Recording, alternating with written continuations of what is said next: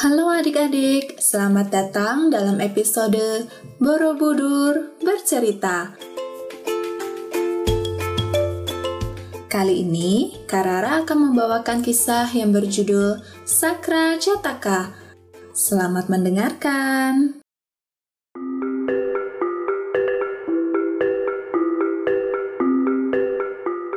Setelah Bodhisatwa melakukan tindakan-tindakan bajik untuk waktu yang sangat lama, karma baik yang luar biasa menyebabkan beliau terlahir di alam dewa.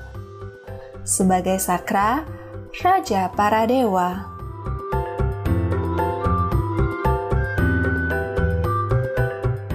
Di bawah kepemimpinan beliau, keagungan alam dewa semakin luar biasa alam dewa bersinar bagaikan istana. Segala kecemerlangannya bertambah. Keindahannya diperagung oleh cahaya bulan purnama yang menyinarinya.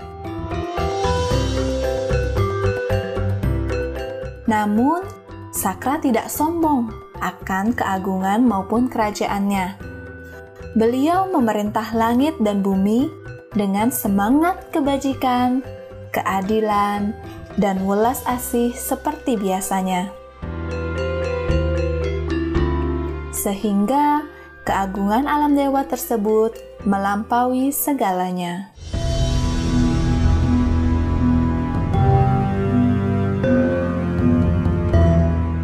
Tetapi para asura menjadi sangat iri dan tidak tahan melihat kebahagiaan dan sukacita tersebut sehingga mereka kembali menyatakan perang terhadap para dewa yang telah dihentikan selama berabad-abad. Mereka berarak-arakan menantang para dewa dengan kekuatan pasukan gajah, kereta, dan kuda. Mereka menciptakan suara-suara menyeramkan bagaikan samudra yang gelombangnya dihempas badai yang sangat dahsyat.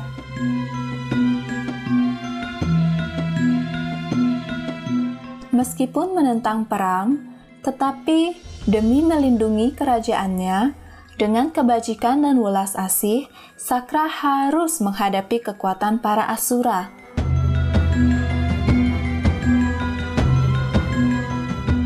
beliau menaiki kereta keemasan yang dihiasi permata-permata berkilauan. Di panji keretanya ada seorang figur yang mengenakan jubah seorang arahat dan ditarik oleh seribu kuda putih.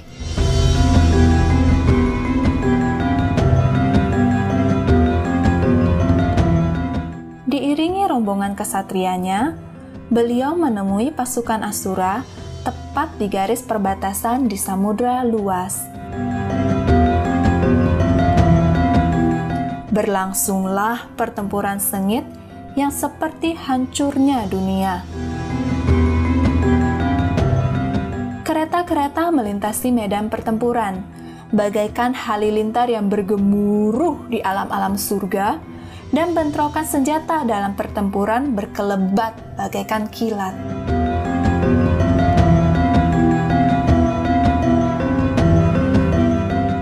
Karena serangan sengit senjata berapi dari para asura, akhirnya pasukan Sakra membubarkan diri.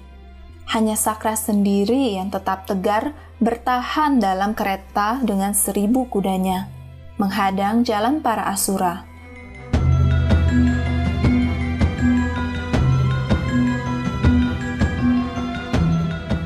Adalah Matali, kusir kereta sakra. Melihat pasukan Asura berdatangan, dan karena khawatir pasukan Asura akan mengambil alih perang, dia berpikir, inilah waktunya untuk mundur. Dia bermaksud memandu seribu kudanya kembali ke alam surga.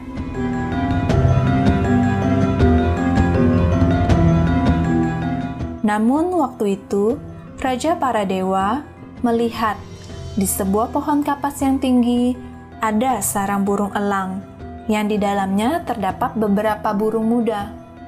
mereka belum cukup dewasa untuk menyelamatkan diri.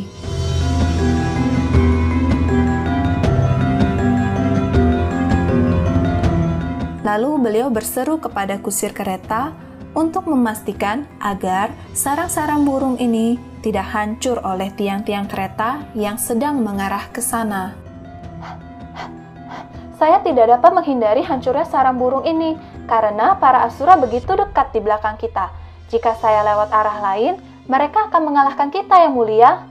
Jawab kusir kereta. Tak usah khawatir mengenai para asura. Selamatkanlah sarang-sarang elang muda. Kata Raja para dewa. Kemudian Matali menjawab, Hanya dengan menghentikan kereta, saya bisa menyelamatkan sarang-sarang itu. Tapi, jika kereta dihentikan, para surah akan menaklukkan kita yang mulia.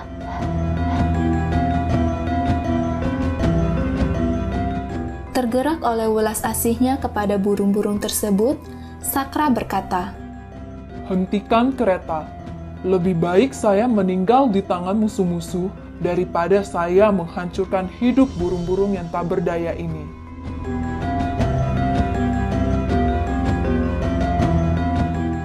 Lalu kereta berhenti bersama seribu kudanya. Dan para asura merasa takjub melihat tindakan yang gagah berani ini.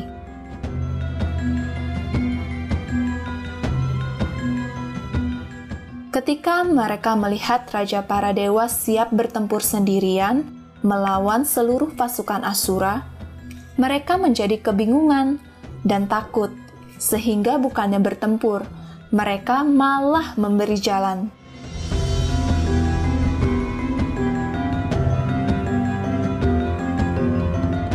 Dan bagaikan angin mengusir awan-awan hujan, pasukan Asura melarikan diri dalam ketakutan.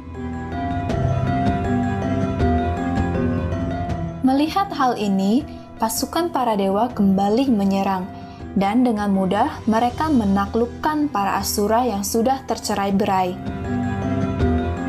Sekali lagi, para asura ditaklukkan dan alam para dewa berada dalam keadaan damai selama Bodhisattva menjadi pemimpin mereka. Demikianlah sepak terjang Bodhisattva ketika beliau adalah raja para dewa. Beliau melindungi kehidupan burung-burung, juga bersedia mempertaruhkan nyawanya sendiri untuk menghadapi serangan para asura. Para asura menjadi takut berkat tindakan bodhisattva yang berani, dan mereka tak dapat menyakitinya.